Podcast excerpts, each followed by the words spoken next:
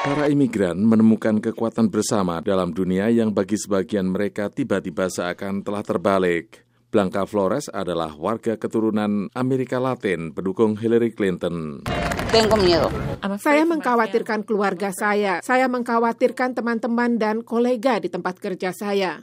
Berasal dari El Salvador, Blanca Flores bergabung dengan warga Latin lainnya di Los Angeles untuk menunjukkan kepada dunia bahwa mereka akan terus berjuang untuk semua imigran termasuk mereka yang tidak berdokumen meskipun Donald Trump akan menjadi presiden berikutnya. Pedro Trujillo merasa tertolong dengan kebijakan Presiden Barack Obama. Mengenai Donald Trump, dia mengatakan, He's vowed to remove immigrants like me and, and my family Dia bertekad akan mengusir imigran seperti saya dan keluarga saya dari negara ini. Jadi saya di sini siap mengatakan bahwa kami akan melawan, kami akan berjuang sekuat tenaga, kami akan tetap tinggal di sini, kami tidak akan pergi ke mana pun, ini tempat tinggal kami.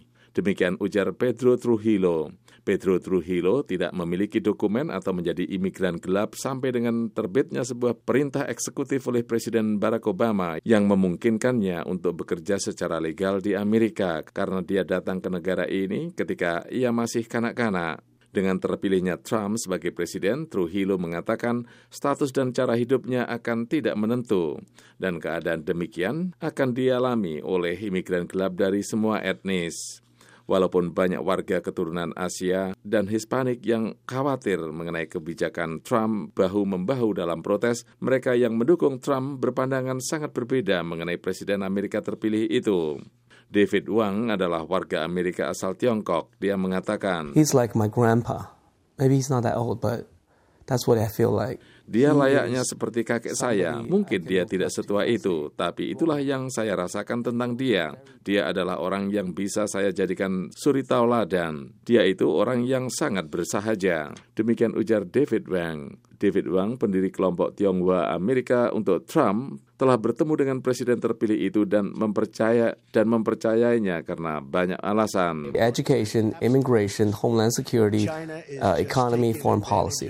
And most importantly, Karena pendidikan, imigrasi, keamanan tanah air, ekonomi, kebijakan luar negeri. Tapi yang paling penting karena faktor Donald itu sendiri. Karisma yang dimilikinya, kami mencintainya karena itu. Dan cara dia menyampaikan kebenaran. Dia mengatakan hal-hal yang tidak berani kita katakan. Dan kami mencintainya untuk itu. Dan rakyat telah berbicara melalui suara yang mereka berikan.